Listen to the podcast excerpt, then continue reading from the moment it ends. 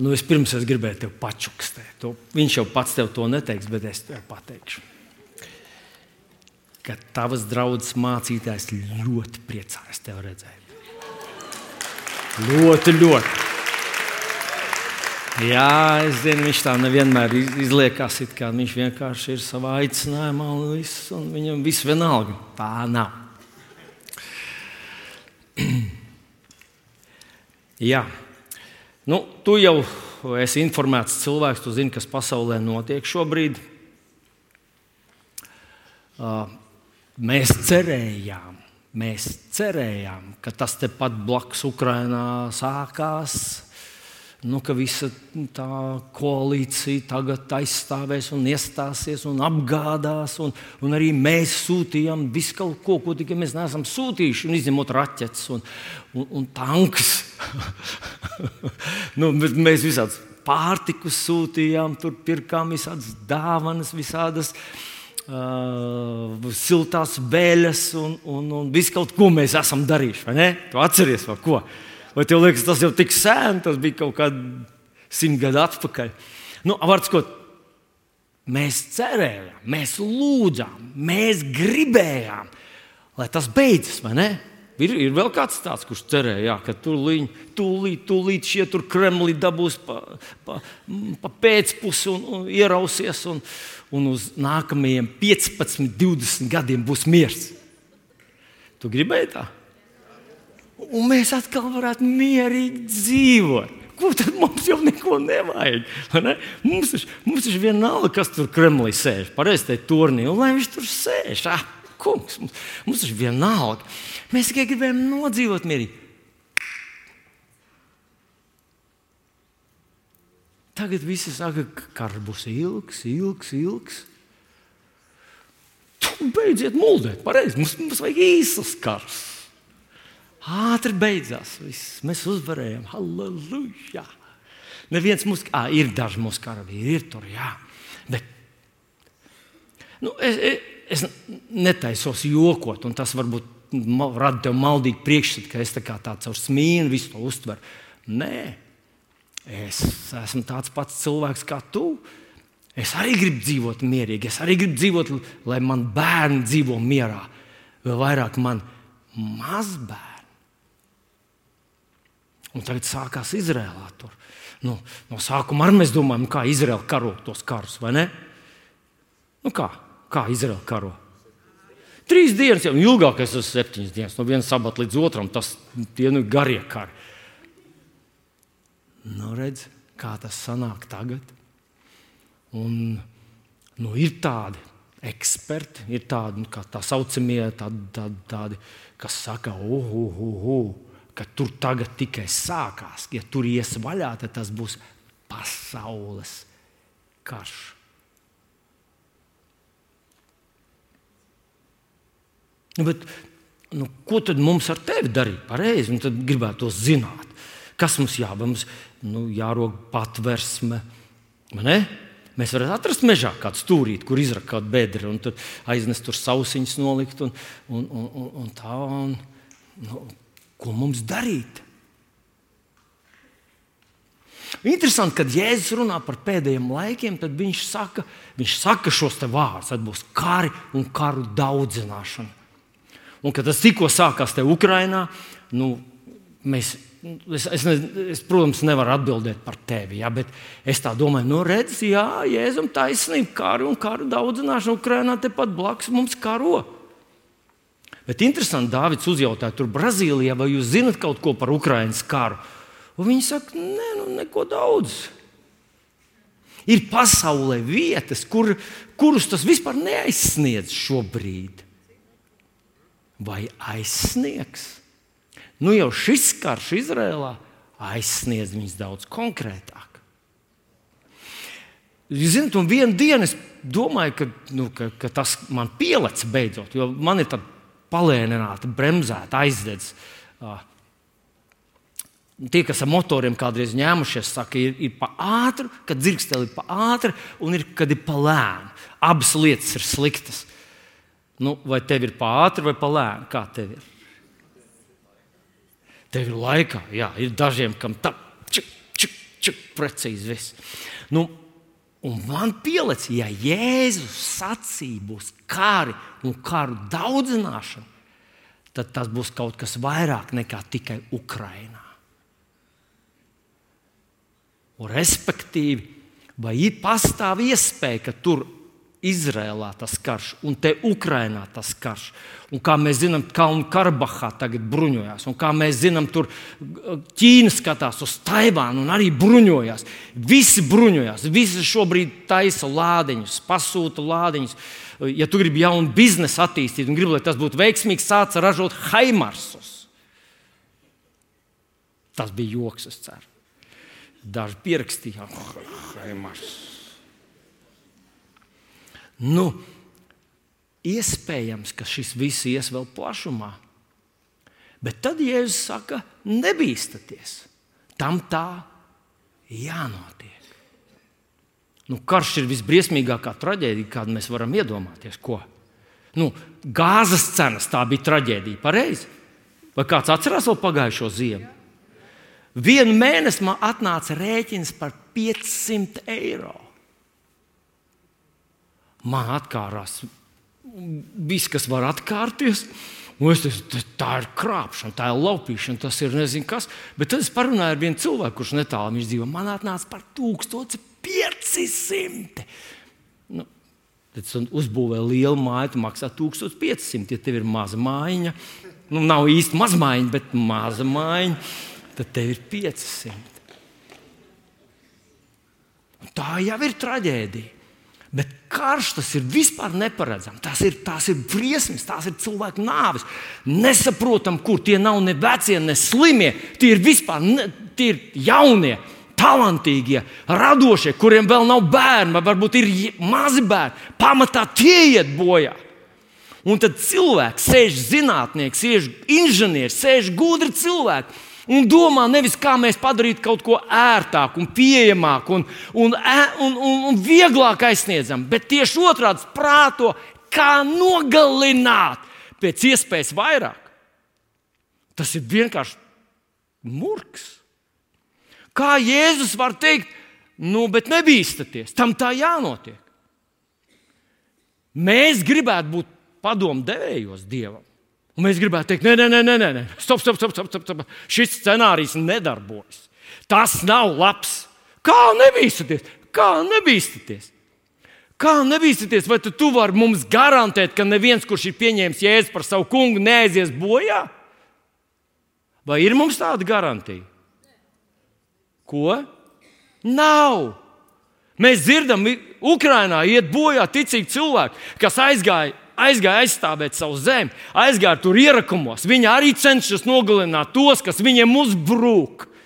Vai tas ir pareizi, bibliski vai no dieva aspekta? Tas ir pareizi.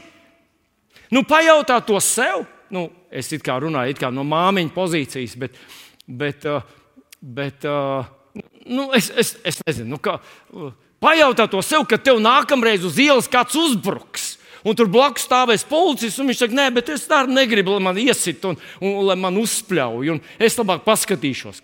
Tu teiksi, he, he, tagad ir tas brīdis, pirms kam tu esi trenēts, mācīts, apbruņots. Un tas ir tas, ko mēs sagaidām. Kad mūsu bērniem uzbruks, mēs sagaidām, ka tēvs piecelsies no televizora un viņš aizstāvēs savus bērnus. Vai, vai, vai pareizi es saku? Tad, kad Es runāju tīri teorētiski, mīļie, mīļie man brāļi, māsas, saprotiet man pareizi. Tīri teorētiski. Pieņemsim mūsu zemē, mūsu mazajai zemītei, kur mēs apdziedam, mums visiem patīk, mēs meklējam kalnus. Vēl neviens nav atrasts, bet mēs cītīgi meklējam tos. Mēs meklējam visādas skaistas vietas un skaistas pļavas, un tad vienīgais, pie kā mēs nonākam, ir kāds labs ēdiens kaut kur. Nu, nu, es atkal pārspīlēju, protams. Bet, ja mūsu zemītē pienāktu pie mūsu zemes robežām, pienāktu karaspēks, un viņš grasītos iebrukt, un mēs zinātu, ka viņš iebruks, ko mēs ar tevi darītu? Kas būtu pareizi, leģitīvi mums, kā šīs zemes iedzīvotājiem, kā cilvēkiem, kuriem Dievs ir uzticējis šo zemi? Kas mums būtu jādara? Kas? Jāslēpjas, jābēg. Jāsauc amerikāņi, lai viņi nāk šurp lai nāk vācieši mirt mūsu vietā. Vai mums tas būtu, vai tas būtu normāli, ja manai ģimenei uzbrūk, ka mūsu ģimenes tētis, kurš visu dzīvi ir atpūties? Jūs taču atceraties to stāstu. Ja? Sieva saka, vīrs, kāpēc tu visu laiku guli un nepalīdzi man? Saka, bet, ja, ja nu karš un es esmu piekusis, ko tad? Un šī ir tā īstā situācija. Šī nu ir tā īstā situācija, kad karš, jūs zināt, Es tiešām ticu, ka zeme, kuru paši pilsoņi, kuriem Dievs ir dāvinājis šo zemi, nevēlas aizstāvēt. Katrs vēlas tikai izglābt savu mazo krekliņu, savu mazo jānīti. Tā ir mūkam, tie ir slikti tagad. To zemi noteikti iekaros. Noteikti iekaros. Bet, ja mūsos, tevi un manī, un es, protams, apzinos, ka, ka man jau ir pāri 60, Un iespējams, ka es nemāku vairs tik ātri paskriet, un nevaru notēmēt, un nemāku, ne, nu, nemāku visas tās lietas, kas ir jāmāk frontes līnijā. Tur jārīkojas zibenīgi, vai tu arī mirsti. Ka man nav vairs tik ātri tie refleksi. Bet es domāju, runāju principā par to, vai, vai man ir jāiet aizstāvēt vai mums, vīriešiem, vai mūsu zemes iedzīvotājiem, mums, kas paļaujamies uz Dievu, mums būtu jāiet aizstāvēt mūsu zemi. Es nevaru atbildēt tavā vietā, protams, bet es domāju, ka Dievs mums būtu jāaizstāv šī zeme. Mums būtu visiem jāsaliek kopā, katram savu mazā dāvanu, katram savu spēju, katram savs ieguldījums. Un viņiem tur otrā pusē būtu jārēķinās, ka mēs nedosim nevienu centimetru par velti. Mēs nemuksim prom no savu pagalmu. Tā ir mana mazā zemīte. Dievs mums to ir uzticējis. Un, ja tagad ir jāstājas pretī lodēm, mēs pretī lodēm stāsimies. Četri vīri, slavu Jēzum, divi vai trīs vismaz tur būs. Ziniet, kas bija interesants šajā nedēļā? Es biju, kas un tā bija par dienu. Tā bija laikam ceturtdiena. Jā, ceturtdiena bija ebreju biedrībā, bija tāds um, atbalsta pasākums Izrēlai. Un tad bija mūsu valsts prezidents, mūsu valsts uh, saimnes spīkeri, tur bija, tur bija vairāk politisko partiju, nu, tāds prominents uh, cilvēks, kurus mēs parasti redzam tikai televizorā. Uh, bet tur bija arī Izraels vēstniece. Un Izraels vēstniece, nu, visi runāja, runāja ļoti konkrēti un sakarīgi, un, un viss bija, vis bija nu, nu, tā, pareizi. Bet iznāca Izraels vēstniece runāt. Un šī vēstniece, es momentāli aizmirsu viņas raportu, man liekas, viņai viens no uzvārdiem, viņai divi. Nu, un, un tad Nu, lai tev nepieviļ viņas uzvārds, tas nav nekas tāds, ne, nekas tāds smaids, tas neizraisa. Šī Izraels vēstniece, viņa teica, ziniet, Izraela nevar uzvarēt. Tad, kad Izrēlā sākās tā kardarbība, mūsu pilsoņi, kas dzīvo ārvalstīs, masveidā lido uz Izrēlu. Viņi dodas šurp, kāpēc? Viņi grib aizstāvēt savu zemi. Tas nav joks uzbrukt Izrēlai. Un viņi pavisam konkrēti zina, ka tā ir Dieva dota zeme. Iedomājieties, ka Bībelē uzrakstīts, ka Dievs piešķīra šo zemi šai tautai uz mūžīgiem laikiem. Bet es ticu, ka kaut kas līdzīgs arī mums, mūsu zemē. Nav mums vienkārši iekritus lozē. Vienkārši mums kāds kaut kur tur, Briselē vai Maskavā, kaut kur piešķīrs. Un tāpēc, tāpēc mēs te esam. Tāds sagadīšanās pēc mēs jau neko. Nē, mēs ko? Man ļoti patīk, vienā, bija vienā seminārā, kurā viens mācītājs sacīja tādu frāzi, man viņa ļoti palikusi atmiņā. Un tā frāze bija tāda: Esi kaut kas! Jo Dievs netērēs laiku ar neko. Es jau neko, es jau tādu izspļautot burbulārā no savas mutes, piecelies. Tu esi vīrietis vai sieviete, vai tu esi kā, ko tu esi šajā pasaulē nolicis izdarīt, tad cēlies un izdari to.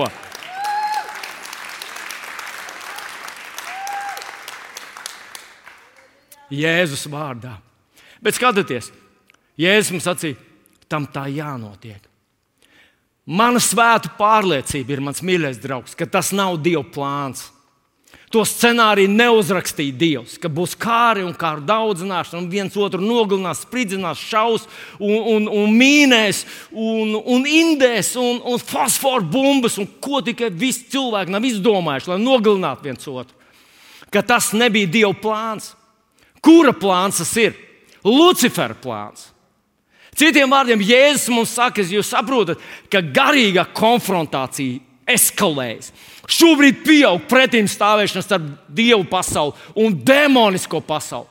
Un tāpēc, ka jūs, un šeit, protams, viņš nedomāja man, man ar tevi, mēs ar tevi tikai nu pat, nu pat iznācām uz, uz platformas, mēs vēl cenšamies saprast, kas ir kas, kas no kurienes. Bet ilgi pirms mums jau cilvēki dzīvoja, un mūsu vecs, vecs, vecs, vecs, vecs, vecs tavs, vecs, vecs, vecs, vecs, vecs, vecs, vecs, vecs tēvs, Ādams un Ieva. Viņi izīrēja tavā dzīvoklī, viņi izīrēja to uh, galveno viesistabu, izīrēja taviem niknākajiem ienaidniekiem. Un tāpēc, ka viņi noslēdz šo līgumu, tam ienaidniekam ir tiesības nākt šeit un nogalināt, un čakarēt tavu dzīvi un bojāt visu to, ko tu gribi uzcelt. Viņš grib to iznīcināt. Citiem vārdiem, Jēzus saka, tas nav mans, es tā nekad nebūtu rīkojies. Bet jūs devāt viņam varu. Jūs padarījāt kritušo eņģeli par šīs pasaules vai šī laikmeta valdnieku. Un tāpēc, mīļie draugi, jums jārēķinās ar jūsu pašu izvēles sakām. Tam tā jānotiek. Bet nebīstaties!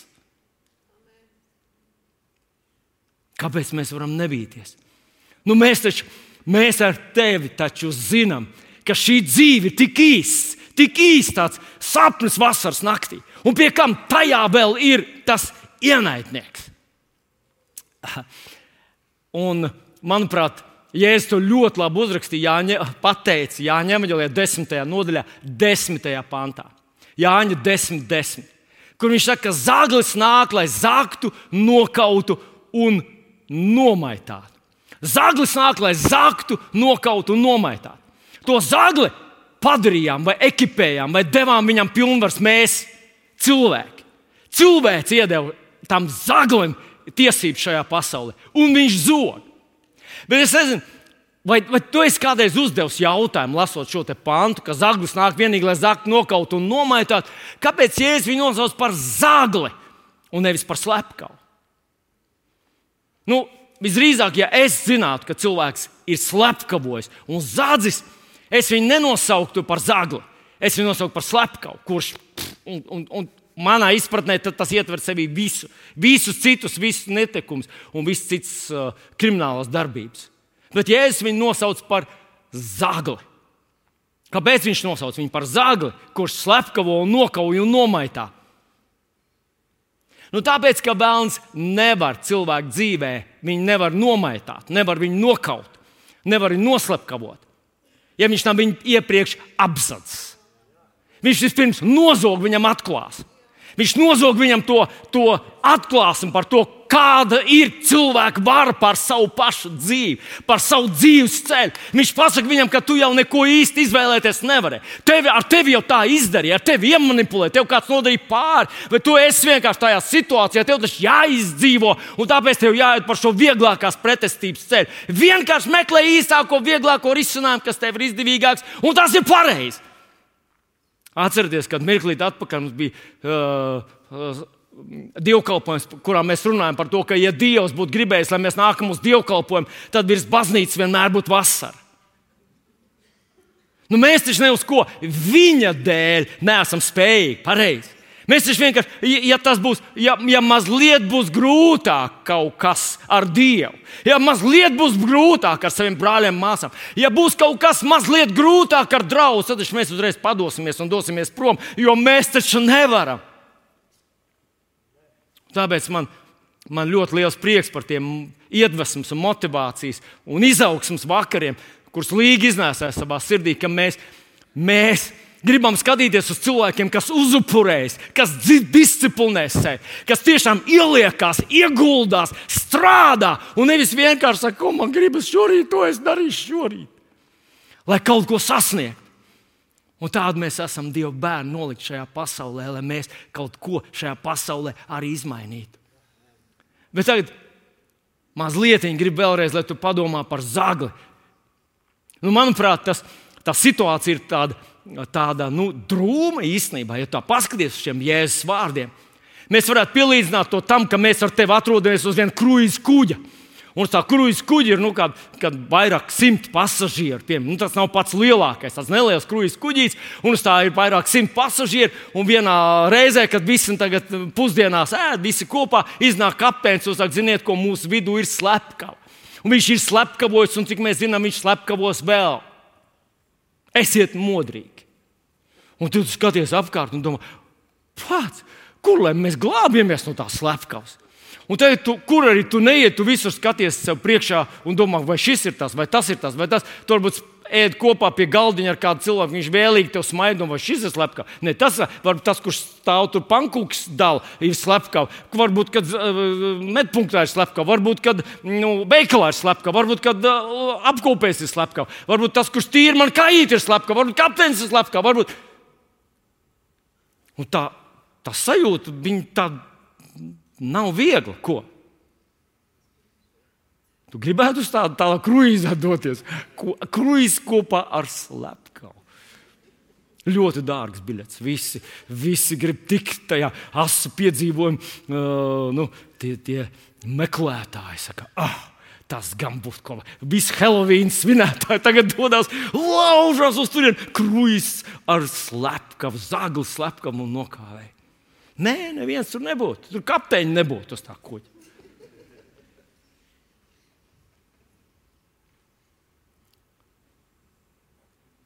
Un, ja es tev šorīt pajautātu, vai tev ir kaut kas nozagts dzīvē, iespējams, ka tev vajadzētu tā nopietni apstāties un padomāt, pagaidi, man ir kaut kas nozagts, kaut kas, kas man tur kaut ko tur, kaut kad man tur kaut kas. Nu, varbūt kādam ir es tev jūtu līdzi. Nu, manā dzīvē es esmu pāris reizes pazaudējis tādas ļoti vērtīgas lietas. Pazaudējis vienkārši savas aizmāršības dēļ. Un tas manā personībā ierakstīja tik dziļas tādas kaut kādas nu, iezīmes, ka es no viņām, nu, pat, kad man sieviete man saka, hei, hei, hei, hei, es esmu durvju aizslēdzējis. Un, ja viņi kaut ko darbojas, viņi kaut ko tur nesēja garām, redz, ka durvis ir vaļā, un viņi vairs netiek ārā. Nu, netiek iekšā.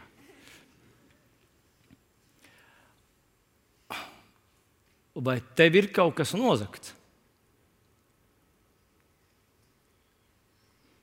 Es nezinu, ka es tev teikšu kaut ko jaunu.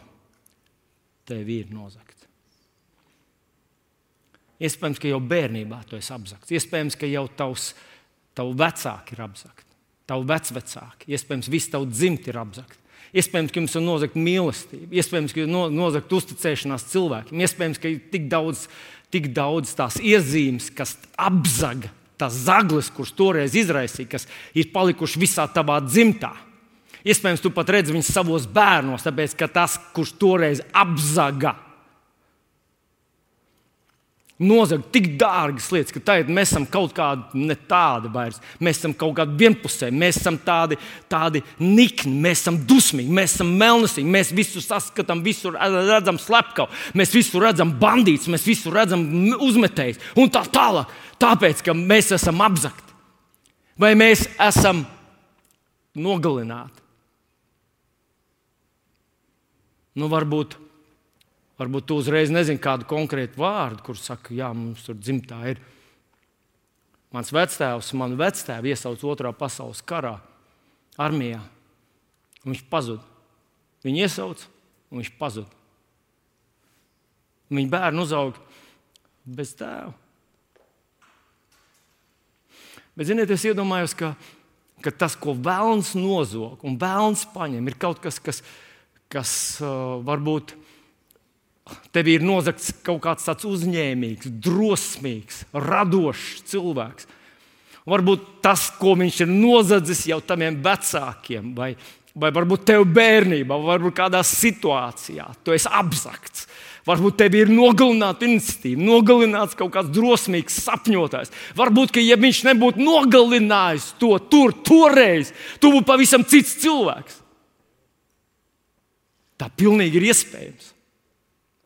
Un, ja mēs tā paskatītos, ja mēs tā ieskatītos savā dvēselēs un savā sirdīs, iespējams, ja mēs varētu salīdzināt ar to Dieva sākotnējo plānu un to, kāda mēs esam, mēs teiktu, ka mēs esam noplicināti, mēs esam apzakti, mēs esam nogalināti visas tās personības, kas mūsos bija no sākuma ieliktas. Mēs esam tikai vāji atblāzti no tā, kas mēs varējām būt, kurus Dievs gribēja, lai mēs esam. Un dažiem izdodas izlausties no, tā, no tās pelēcības, no tās, ziniet, no tās slaktiņa un kaut ko, kaut kādus nelielus rādītājus savā dzīvē, kaut kādus attīstīt un parādīt. Un jā, kāds uzreiz domā par kādu, kuram daudz naudas, vai kāds, kuram, kurš tur raksta dziesmas vai kaut ko. Bet iespējams, Tikai iespējams, ka salīdzinājumā ar to, kādu Dievs bija gribējis to cilvēku radīt, un kāds bija viņa sākotnējais plāns, ja nebūtu šis zaglis un slepkava un nokāvējs, ka tas cilvēks būtu vienkārši, vienkārši ģēnijs. Un ne tikai vienpusējs ģēnijs, ne tikai viena viņa īpašība, kas izceļas un vispār pārējā viņš ir tāds neciešams un riebīgs. Esmu dzirdējis par kādu cilvēku, kurš ir. Nu, nu, ģeniāls tajā vienā savā jomā, bet kā personība. Viens no mūsu brāļiem bija lasījis uh, grāmatu par Steve'u Jobsu.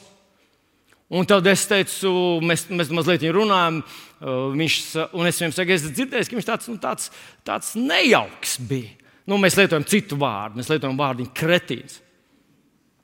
Un tad tas, tas puisis teica, viņš nu, tajā autobiogrāfijā, tā nebija autobiogrāfija, tā bija viņa biogrāfija. Viņš bija konkrēts kretīns.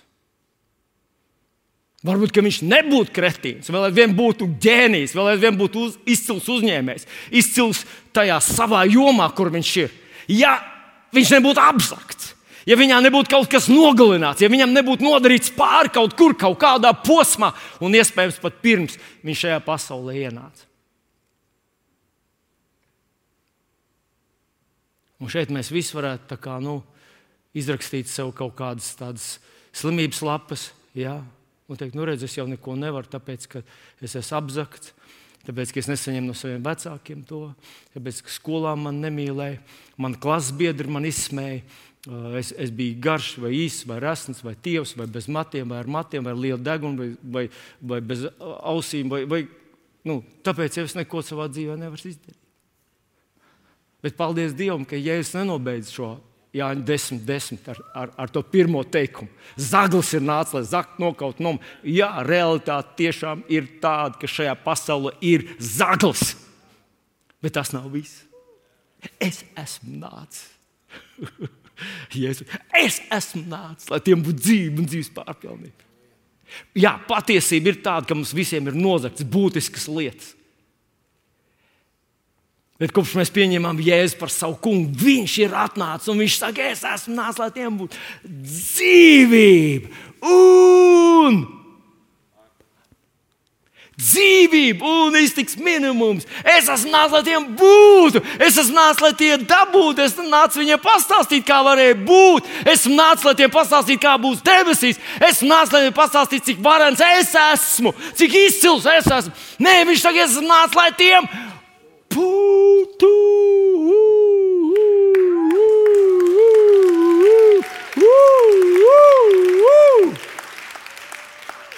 Nu, re, mēs ar tevi tagad sēžam, mēs esam viņu pieņēmuši par savu kungu. Vai tev ir tā sajūta, ka pateicoties, kad Jēzus, kad Mēsija ienāca manā dzīvē, ienāca manā dvēselē, ka viss tas, kas man ir nozagts, ir kompensēts? Ha! Halleluja! Es ik pa laikam saskaros ar cilvēkiem, kuriem jau desmitiem gadu staigā ar jēzu, bet viņi visu laiku runā par zagli. Viņi tā kā apprecējušies ar jēzu, ja drīkst lietot tādus, tādu, tādu piemēru. Apprecējās ar jēzu, bet runā par savu veco brūgā. Kas tev kaiš? Kas tev kaiš? Halo, kas tev kaiš? Jēzus teica, es esmu atnācis, lai tev būtu dzīvība un dzīvības Halleluja! Mans mīļais brāl un māsa, es zinu, ka tu esi apzakts. Es zinu, ka tu vari izstāstīt, un ka tu sāc sevi rakties un sāk atskatīties savā asaras sariešās. Un, un, un liekas, ka tas ir tik īsti un tik patiesi. Man nozagts ir tas, man nozagts ir tas, man nozagts ir tas, man pateica tā, man izdarīja tā. Un, ah, ah, uh, uh. Ja es, teicu, es zinu, es zinu, tas zaglis uz to ir spējīgs. Tas nav tas cilvēks, bet tas ir tas zaglis.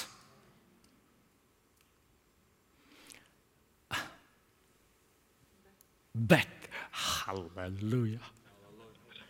Es esmu nācis, lai tiem būtu dzīvība un dzīves pārpilnība. Vai varbūt kristietis, kurš dzīvo desmitiem gadu staigā ar jēzu, bet viņš visu laiku izjūt, cik ļoti ir apzakts un cik daudz viņai ir nogalināts? Jā. Un es šajā rītā gribētu uzdrošināties apgalvot, ka nav neviena no mums. Mūsu vidū nav neviena cilvēka, kurš pilnībā apjēgtu kādu bagātību, spožumu, kādu kompensējošu spēku ir atnācis atnest Jēzus.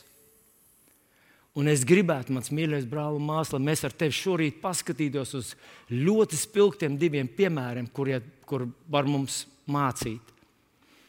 Bet pirms tam atgādināšu vēl raksturvietu no Jāņa līdz pirmās nodaļas, uh, 11. un 12. pāntu, kur rakstīts par Jēzu, ka viņš nāca pie savējiem, bet tie viņu neuzņēma. Nu, protams, ka mēs ar tevi esam uzņēmuši. Tas ir skaidrs. Mēs taču pieņēmām jēzu par savu kungu, mēs esam kristīti un tā. Un tad nu, mēs esam uzņēmuši. Tas ir viss. Nu. Es ticu, ka tas ir process dzīves garumā. Un ļoti bieži, kad viņš nāk pie saviem, mēs esam aizņemti ar zagli un neredzam to, ko dara Jēzus, un nepieņemam bet tiem, kas viņu pieņēma. Un šeit es uzrunāju tevi. Vienalga, vai tu esi jauns, vai tu esi ļoti jauns, vai tu vairs neesi jauns. Efektīvākais, ko tu vari izdarīt savā dzīvē, ir nevis baidīties par to, kur, kas tur notiks, kur tur kas tur, kā tur, kā, kā tur izvērtīsies visa tā starp, uh, starptautiskā situācija, kas ar to karu notiks. Tas efektīvākais, ko tu vari izdarīt priekš sevis, priekš tevis, priekš tavas labklājības, priekš tā, lai tu nebūtu tas apzaktais, savainotais un nokautais. Palikt šajās attiecībās ar kungu jēzu, lai no viņa saņemtu katru dienu. Tu vari, ja tev dzīve turpināsies vēl 80 gadus. Tu vari katru dienu saņemt no viņa vēl, vēl dzīvības, vēl spēka, vēl pārpilnības, vēl bagātības, vēl uzvaras, vēl šīs mīlestības, kur varbūt tev ir pietrūkus kaut kur, vēl vairāk atbalsta, vēl vairāk, vēl vairāk dievu lielā, majestātiskā, varenā pieskāriena. Ja gadījumā tu neesi to saņēmis, pats viņš dara brīnums. Un, uh, To piemēru gribu ar jums paskatīties. Tās tieši septiņi panti no pirmās mūža grāmatas, ceturtās nodaļas. Pirmā mūža grāmata, ceturtā nodaļa.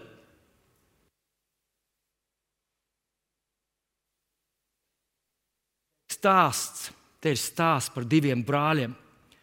Pirmajiem diviem vīriem pasaulē. Viņš ir ārkārtīgi pamācošs. Mēs, es, es, Es pāris vārdos izstāstīšu to, un tad, tad mēs lasīsim pantu pēc pantu, un es gribētu, lai tu pasako man līdzi. Un tā pirmā lieta, kas mums ir uh, jāatcerās, ka tas ir Dieva atstāsts. Mums to ir uzrakstījis Mozus. Mēs atceramies, ka Mozus tā ir Mozus grāmata, bet starp Mozu un Kainu un Ābelu diviem brāļiem ir, nu, ja, ja es, es, es nevaru tā precīzi pateikt, bet es paskatījos tā vienkārši tā pavirši, tur ir vairāk kā pusotru tūkstošu gadu atšķirība. Un kā mēs zinām, pa vidu ir bijuši plūdi, kad visi cilvēki, izņemot vienu ģimeni, tika nu, iznīcināti, viss cilvēks tika iznīcināts. Un es vispār negribu pie tā apstāties, bet es lasu, šajā nedēļā lasīju pirmo mūža grāmatu, un man sirds sarāvās, ka es lasīju to, un kad Dievs saka, man ir jāiznīcina visi cilvēki. Wow. Es domāju, Dievs, tu nespējīgs uz kaut kādiem tādiem radikāliem pagriezieniem. Viņš ir. Kad tas ir jādara, ka tas ir vienīgais pareizais un taisnīgais risinājums, Dievs rīkojas taisnīgi. Tā kā tie, kas saka, nevar būt, ka viņš tur tur tos, kas atraida jēzu, tos, kas viņu izsmeja un pazemo, un kas spļauj uz viņu, ka tos iemetīs ellē. Var gan. Var gan. Viņi ir izvēlējušies savu likteni. Bet tā tad divi brāļi piedzimst vienai mammai. ļoti atšķirīgi skatījumi, mammai ļoti atšķirīgi skatījumi. Pirmo, pirmo viņai ļoti liels cerības ar pirmo, tā vārds ir kains, otrs ir ābels. Ar to viņai tāds ļoti piezemēts, jo viņa sākus saskatīt kaut ko, viņa vīlusies un vainas sajūta, iespējams, viņa grauž, viņa nosauc par ābeli. Un tad kā viņa dzīves ceļš, no viena gaida daudz, sanāk pilnīgi pretēji, no otra negaida neko daudz, sanāk pilnīgi pretēji. Un tad mēs zinām, vecākais brālis nogalina jaunāko. Vecākais jaunietis nogalina jaunāko un paliek dzīvot. Jaunākais ir miris. Mēs zinām, viņa vārds ir Ābels. Bet tā tad palasīsim visu šo stāstu. Pirmā mūsu grāmata, 4. nodaļa. Es lasu no pirmā panta. Un atcerieties, mēs runa, skatāmies uz diviem brāļiem, jo mēs tur gribam ieraudzīt sevi. Es gribētu, lai tu tur sevi ieraudzītu. Tad cilvēks atzina Ievu, savu sievu, un tā tapa grūta un zemdēja kainu. Sacīdam, es esmu iegūsi zēnu ar tā kunga palīdzību. Tas ir, ja nemaldos, jaunais tulkojums. Tātad pirmais, pirmās dzemdības cilvēces vēsturē. Pirmo reizi sieviete dzemdē. Viņai viens, nu, vienīgi Dievs viņai varēja pastāstīt, kā tas notiks. Viņai nav vecmātes, nav palīdzības, nav nekādas pieredzes, viņai nav nekādas saprašanas par to, cik ilgi, kas, kā, kā, kā tas viss notiks un tā tālāk. Pirmo reizi. Bet viņi nosauca savu pirmo dēliņu, kurš dzimis cilvēcei. Pirmo dēlu nosauca par Kainu. Vai tu sauc savu dēlu par Kainu? Nu, pat otru tu varētu nosaukt par Kainu. Nu, tas ir interesanti, ka, ja tu ierakstīsi meklētājā kains, izrādās, ka ir diezgan daudz cilvēku šodien, kas, kuriem vārdā ir kains. Pat Latvijā ir, es gribēju parādīt jums uz ekrāna vienu no, no atbildīgiem cilvēkiem, kuriem uzvārds ir kains Latvijā. Bet es domāju, nē, nē, nē tas, tas, tas nebūtu pareizi. Un es pie sevis uzdevu jautājumu, kā, kādā sakarā, kas cilvēkiem kaiš, lai nosauktu savu dēlu par kainu? Tas ir tik ilgi, kamēr, kamēr tu nezini, ko tas nozīmē kains. Kains nozīmē, tā burtiskā, tā kā ieva tur saka, ieguvums. Es esmu guvumu dabūjis no Dieva. Ieguvums, kains ir ieguvums vai guvums. Nu, mēs varētu to pārfrāzēt tā, lai mums tā labāk saprotams, Dieva dāvana.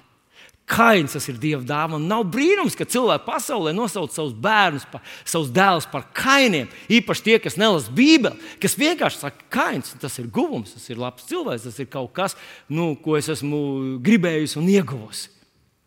Bet interesanti, ka, ka te runā Ieva. Ādams klusē. Vai Ādams vispār pirmais cilvēks bija tāds klusētājs? Nu, ir dažādi viedokļi, kāpēc tas ir tā. Viens no viedokļiem ir kāds. Viens no viedokļiem ir tāds, ka tikko Dievs ir runājis uz sievu, un viņš ir teicis, nu, tu, tu to izdarīji, un tā tālāk, tur, tur, kas tev tur būs jādzemdē, grūti nāksies to darīt. Tāpēc viņš atbrīvoja vīrus no tā smagā darba. Halleluja! Jā, paldies Dievam, ka es esmu vīrietis. Bet uh, viņš teica, es radīšu ienaidni starp tevi un sievu, starp sievas dzimumu tavēju Un tu viņam iekodīsi, čūskai viņš to saka, tu viņam iekodīsi papēdī, bet sievas dzimums sadargās tev galvu.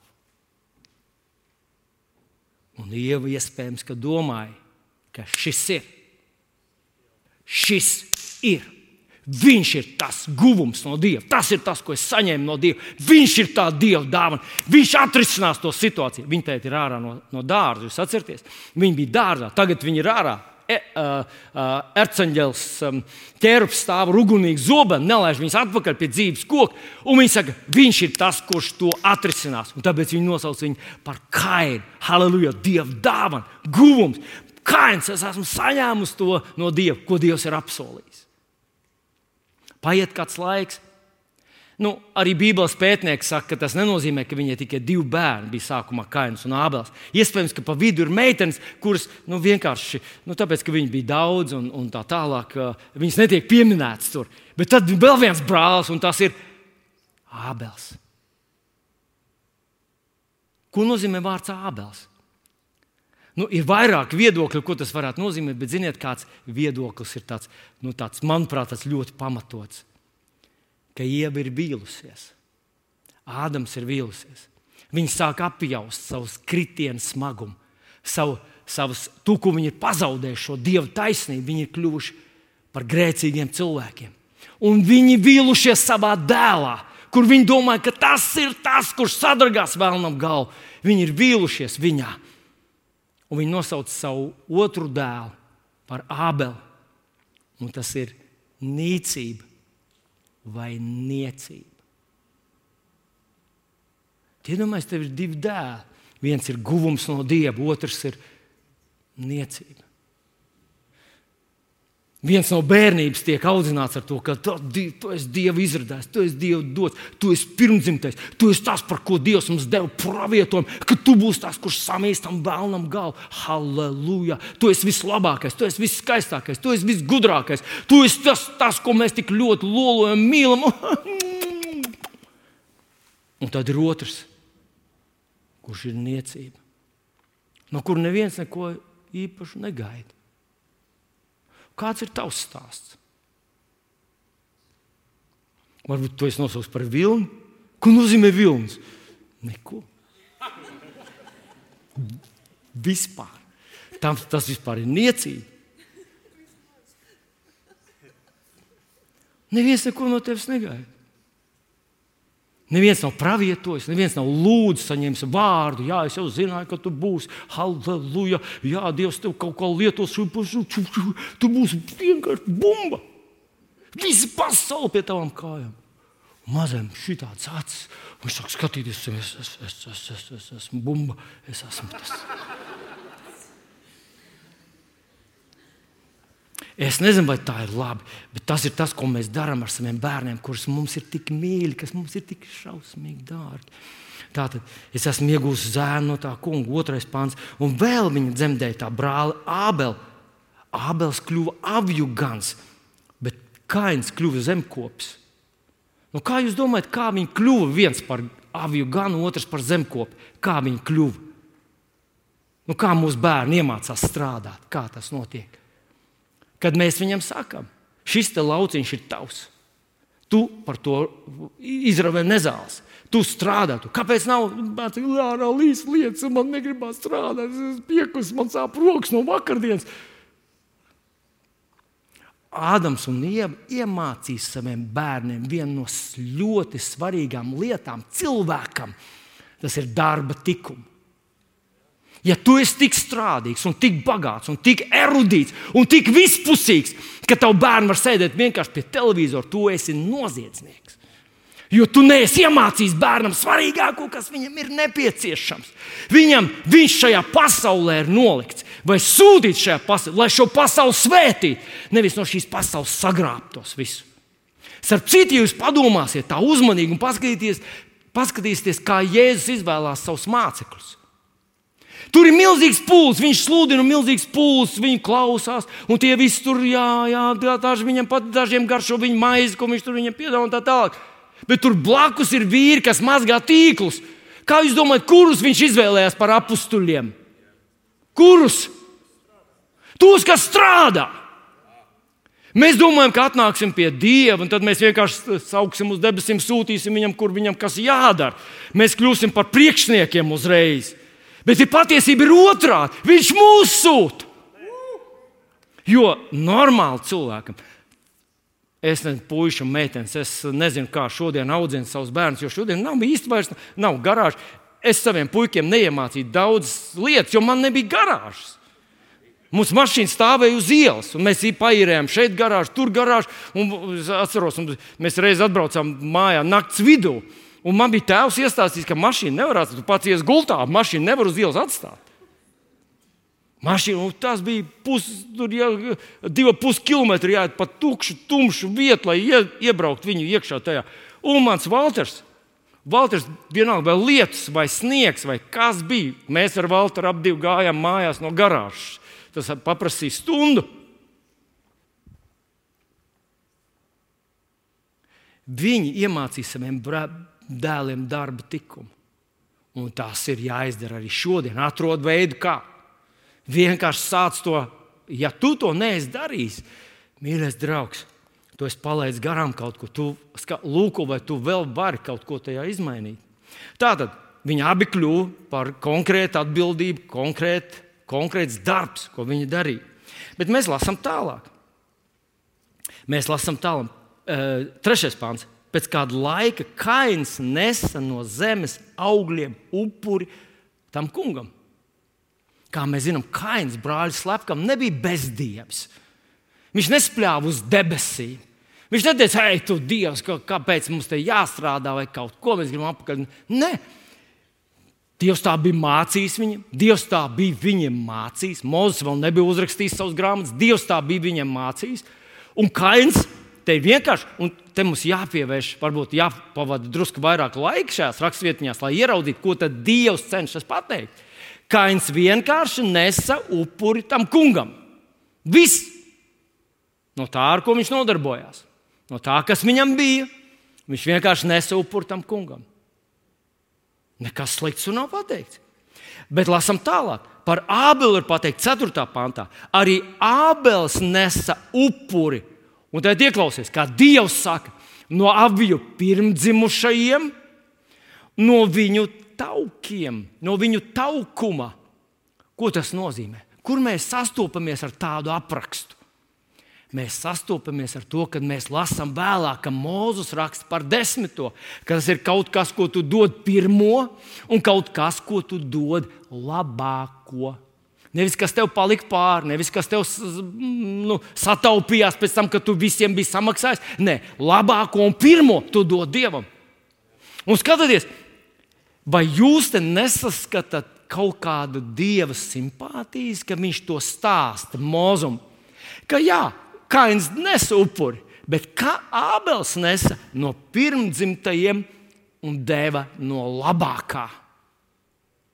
Lasam tālāk, 4. pānta, 2. daļa. Un tas kungs uzlūkoja Ābelu un viņa upuri. Ja tu lasītu King James, angļu versiju, tad tur ir interesants vārds.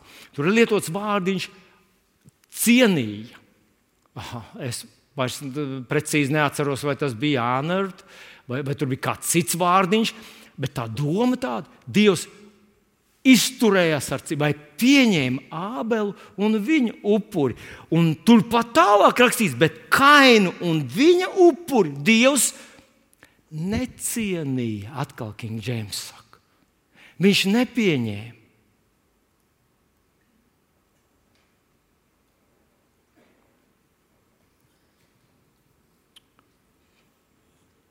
Vai jūs saprotat, saprotat kādu kļūdu pieļāva Dievs? Tas ir vienkārši prātam nedzirdēts, tas prātam neaptverams. Viņš pieņēma viena jauniešu upuri, otru jauniešu upuri Dievs. Ko tu nepieņēmi? Da kā viņš drīkstēja ko? Mēs dzīvojam tajā laikā, kad kad viss, ko cilvēki dara un kā viņi jūtas, ir pareizi.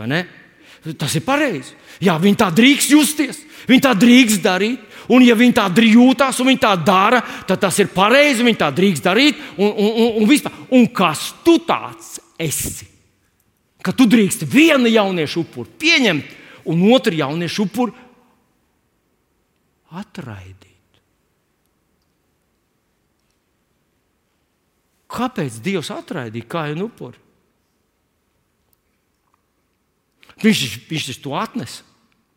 Ziniet, mums, kad mēs uzzinām par Dievu vairāk kaut ko, mēs konstatējam, ka bieži vien viņam ir svarīgāks nevis tas, kas ir uz tā altāra, bet tā motivācija, kāpēc tas uz tā altāra tur ir. Un atšķim, acīm redzot, ka abiem tiem puišiem tā motivācija, kāpēc uz tā altāra tur kaut kas bija, ļoti atšķīrās. Un, respektīvi, mums ir jāpieņem fakts, ka ne viss dzīvē ir pareizi. Ne viss, ko mēs darām, ir pareizi. Ne viss, kā mēs jūtamies, ir pareizi. Mums ar to ir jāsadzīvo, ka tas ir aplam, un ja tas ir aplam, tad mums ar to jātiek galā. Un to mēs lasām drusciņā tālāk.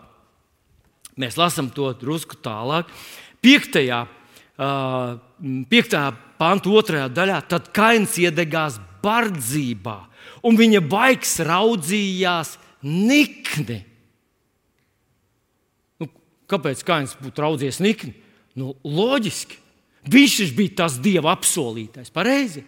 Viņš taču bija tas dieva dāvana.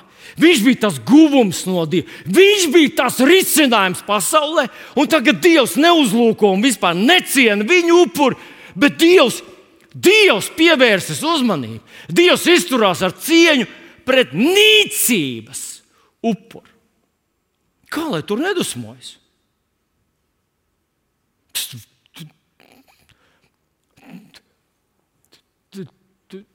nu, atbalstiet man, jūs taču piekritīsiet. Vajadzēja Dievam kaut kādu paraugu stundu, nu, tajā, mm, kā to sauc, dvēseli mm, kopšanas visās tās prasmēs.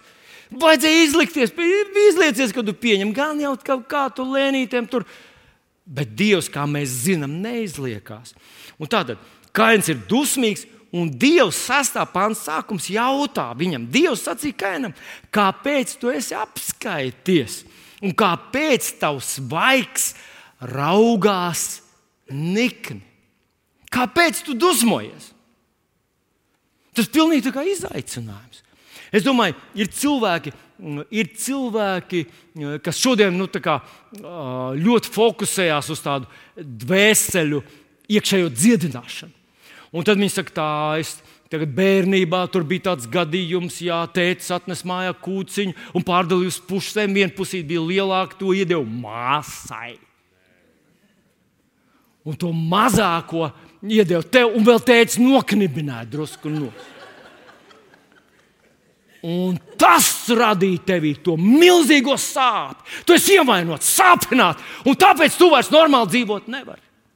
Tāpēc tev ir visas tās reakcijas, tu gribi plosīt, sist, šaut, spridzināt visus.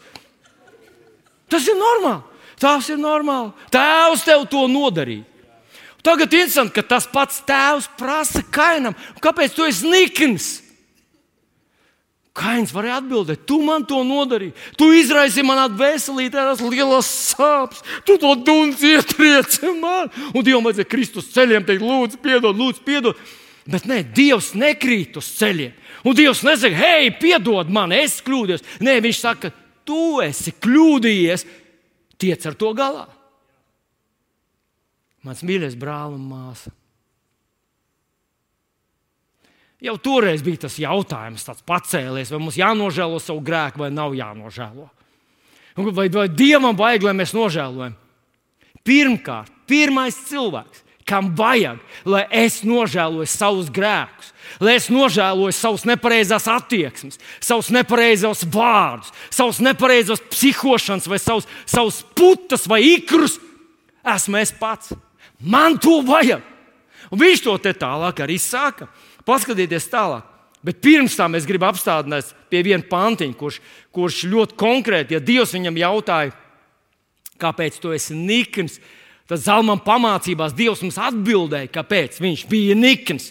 Un tas ir Zalman pamācības 13, 10. Jo no lepnības ceļas ķilda. Tas ir jaunais tulkojums.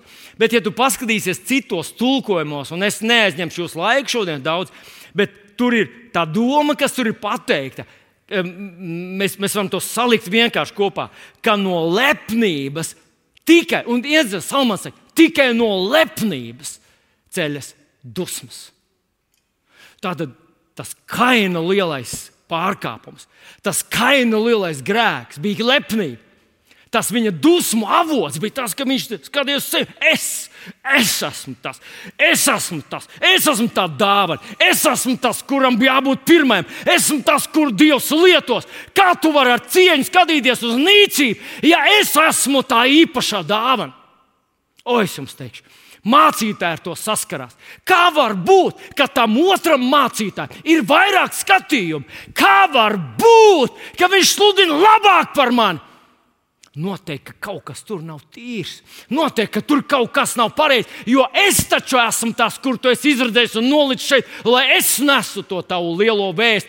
Es esmu atmodas eh, katalizators, un tie vispārējie nezinu, ko tie dara. Mācītāji ar to saskarās, arī kristieši ar to saskarās, arī vienkārši sadzīvē mēs saskaramies ar to. Jo lepnības definīcija, vienkārši lepnības definīcija, ziniet, kāda ir? Fokus uz sevi. Cilvēks, kurš domā par sevi, kurš rēķinās ar sevi, kurš visu dara sevis dēļ, kurš pat upurē dievam sevis dēļ, ir lepns cilvēks. Un viņu sagaida tikai viens vienīgs liktenis, un tas ir kritiens. Tātad tikai no lepnības ceļas ķilda. Nu, bet mēs atgriežamies pie pirmās mūsu grāmatas, 4. nodaļas. Mēs strauji tuvojamies beigām. Uh, bet es gribu, lai vēl jūs pievēršat uzmanību tam, ko Dievs viņam saka. 7. pāns, un tas ir tas jaunais tulkojuma teksts. Viņš ir rakstīts tā, vai nav tā? Dievs saka, vai nav tā? Tātad Kains būtu piekritis, ka tā tas ir. Ja tu esi labs, tu savu galvu vari pacelt. Bet, ja, dari, ja tu dari ļaunu, tad grēks ir tavu durvju priekšā un tīko pēc tevis, bet tev būs valdīt pār viņu. Un Kains runāja ar Ābeli. Kains sarunāja Ābeli, iesim tur pļāvā, man tur vajag jāparāda tev pienācis, tur kaut kādas. Mēs zinām, ko viņš grib izdarīt. Tā bija slepkavība ar iepriekšēju nodomu. Un tas bija puisis, kurš tikko nes upuri dievam. Tas bija puisis, par kuru mamma teica, ka tā ir dieva dāvana. Tas bija puisis, par kuru mamma viņam sacīja, tu izglābsi mūs, tu izglābsi visu ģimeni.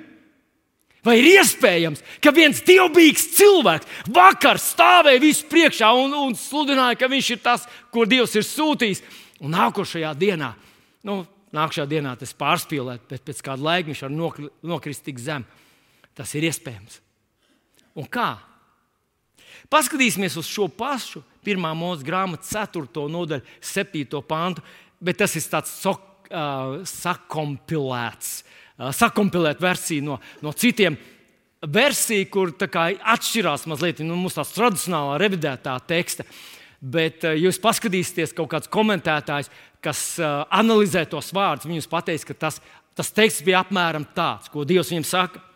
Vai nav tā, tāda pirmā mūzika 4, 7, bet tas ir nu, salikts kopā no citiem. Vai nav tā, Dievs viņam saka, ja tu esi labs, tu tiec pieņemts. Dievs neatraidīja kainu. Dievs atraidīja viņa upuri. Kainam vēl aizvien bija pieeja pie Dieva. Dievs ar viņu runāja, Dievs viņu korģēja, Dievs viņu vēlējās pamācīt. Dievs mīlēja kainu. Dievs tiešām bija nolicis viņam viņa dzīves ceļu, būt par svētību. Bet Kains izvēlējās citu. Tātad, ja tu esi labs, tu tiec pieņemts. Bet, ja tu dari ļaunu, tad grēka upuris, tas, kas revidētajā tekstā iztulkots kā grēks, šis pats vārdiņš citos, tu, citos, citās raksturvietās tulkots kā grēka upuris. Viņš ir grēka upuris, ir turpat pieejams, durvju priekšā. Viņš tevi aicina. Ko viņš viņam saka? Hei, ja tu dari ļaunu, nožēlo to, atgriezies. Un viņš saka, ka tas aicina tevi. Tas grēka upurs nav kaut kas, kas jādodas uz trījiem zemēm, tev kur kaut kas jāizdara pārdabīgs. Nē, tavā sirdsapziņā jau ir tas kliedziens, tā nav pareizi. Nē, tā nav pareizi. Es daru nepareizi. Pieņem to, salabo to, atgriezies un sakārto šīs attiecības, un viss būs kārtībā. Un tas pēdējais teikums, tu valdītu pār viņu. Tas valdītu atkal. Tas ir tas vārdiņš, kas ir e, iztulkots um, drusku atpakaļ, kur Dievs saka ievai, ka vīrs valdīs, viņam būs noteikšana pār tevi. Un šeit viņš saka, e, Bībeles pētnieks, teologs, saka, ka viņš faktiski saka Kainam, ka tu, ka tu pacelsies par tavu brāli. Viņš padosies tev, viņš pakļausies tev. Nē, tu neesi atmests, nē, tu neesi izsvītrots no manas saraksta, nē, tu neesi nevajadzīgs man vairs. Tā nav sakārto savu attieksmi, sakārto savu sirdi. Un tavs jaunākais brālis ir jaunākais brālis, viņš padosies tev. Kains izvēlas to nedarīt. Pūles un dusmas. Mēs visi esam to kādreiz piedzīvojuši. Kad mums jā, jā, tur iekšā tas svētais gars tev klusi saka, tā nav pareizi. Piedod viņam, bet tas ir šāda, laba deva Pā! Tās nebija valodas, ne. Tas vienkārši tāda. Pret savu dzīves draugu tu tā vari būt. Tu vari pret savu kolēģi, tu vari pret savu um, nezinu, draugs, brālis vai māsas, kaut kur, kādā situācijā, kaut kur tu saki, Dievs, ja es varētu pasūtīt, uh, uh, algot slepkavu, es pasūtītu tagad. Nē, tu nekad to neesi domājis.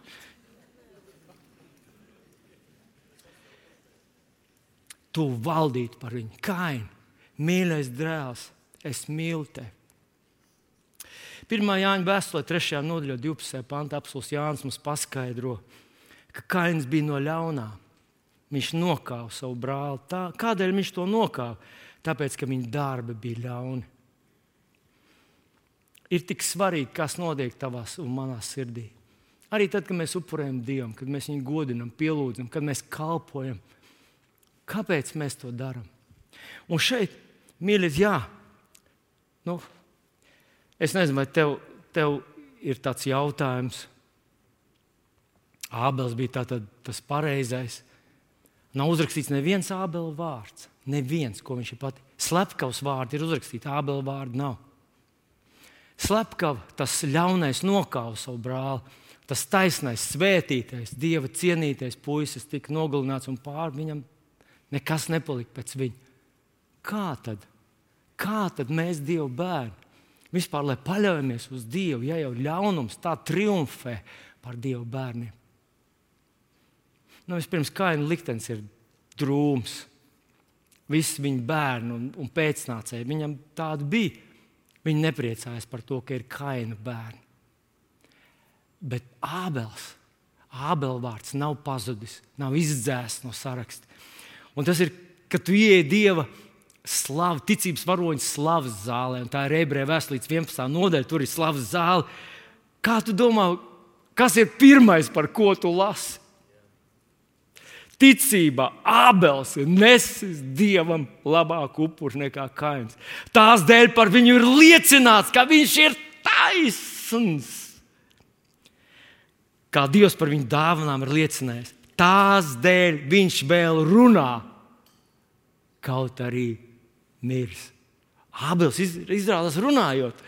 Šajā rītā mums uzrunāja Ābela piemērs. Kad tu ienāc apsolītajā tajā zemē, pirmais, ko tu sastapsies, būs Ābels. Un viņš teiks, ej, vai bija vērts? Viņš teiks, protams, ka bija vērts. Vai tad ne, nevajadzēja tev nogalināt to kainu, un tad viss vis pasaulē būtu miers? Nē, viņš teica, es paļāvos uz Dievu. Es esmu tā kunga rokās es esmu svētīts dzimums. Es esmu piepildījis savu misiju. Un zinot, kur es gribu nobeigt?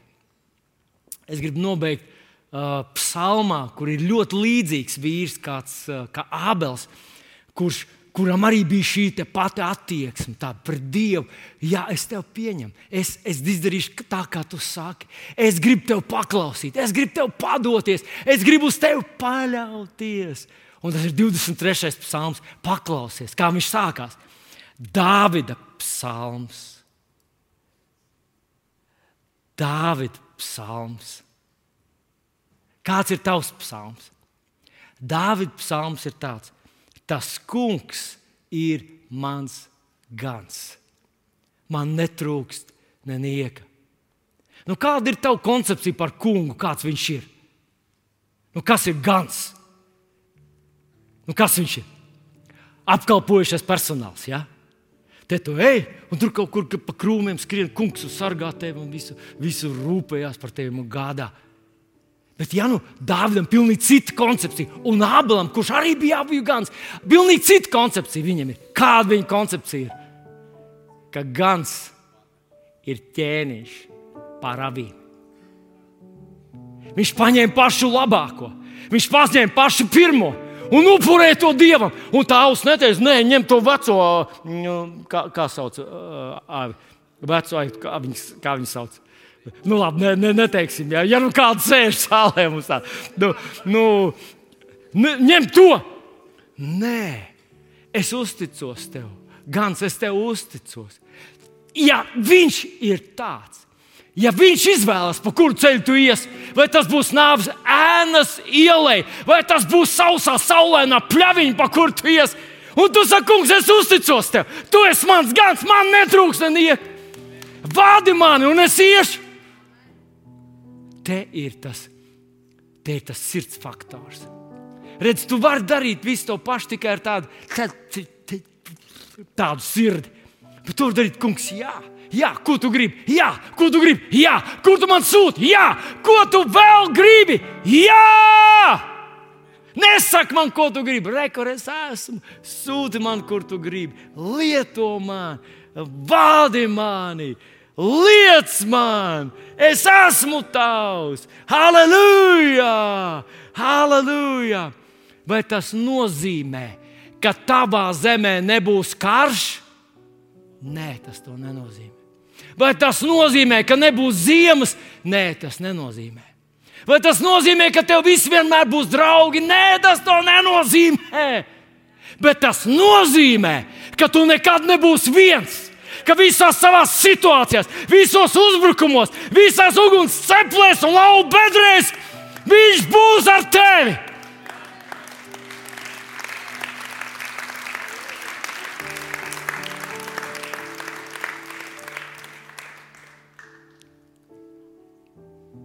Tu vari būt kains. Varbūt tas, kurš uz sevi skatās, un tu gribi būt stārs. Stārs, biezais, tu gribi būt populārais, skaistais, viss kaut kas. Bet, ja nu tu atnāks pie Dieva, viņš teiks, ka tu esi Ābels. Vilns tas! Nekas īpašs! Nekas īpašs! Tas ir vilnis! Un tu saki, kungs, halleluja! Es vismaz esmu kaut kas, jo tu netērē savu laiku ar neko. Es gribu tevi izaicināt, mans dārgais klausītāj. Lūdzu, nepalaid to garām. Es tev ļoti, ļoti lūdzu, kļūst par cilvēku, kurš uzticās viņam, lai vai kas, kurš paklaus viņam, lai vai kas. Kurš turas pie viņa vārda. Jo redz, Jēzus jau ir vārds, lai vai kas. Un es tev, es zinu, ka viņš pacels tevi, jo nav citas iespējas.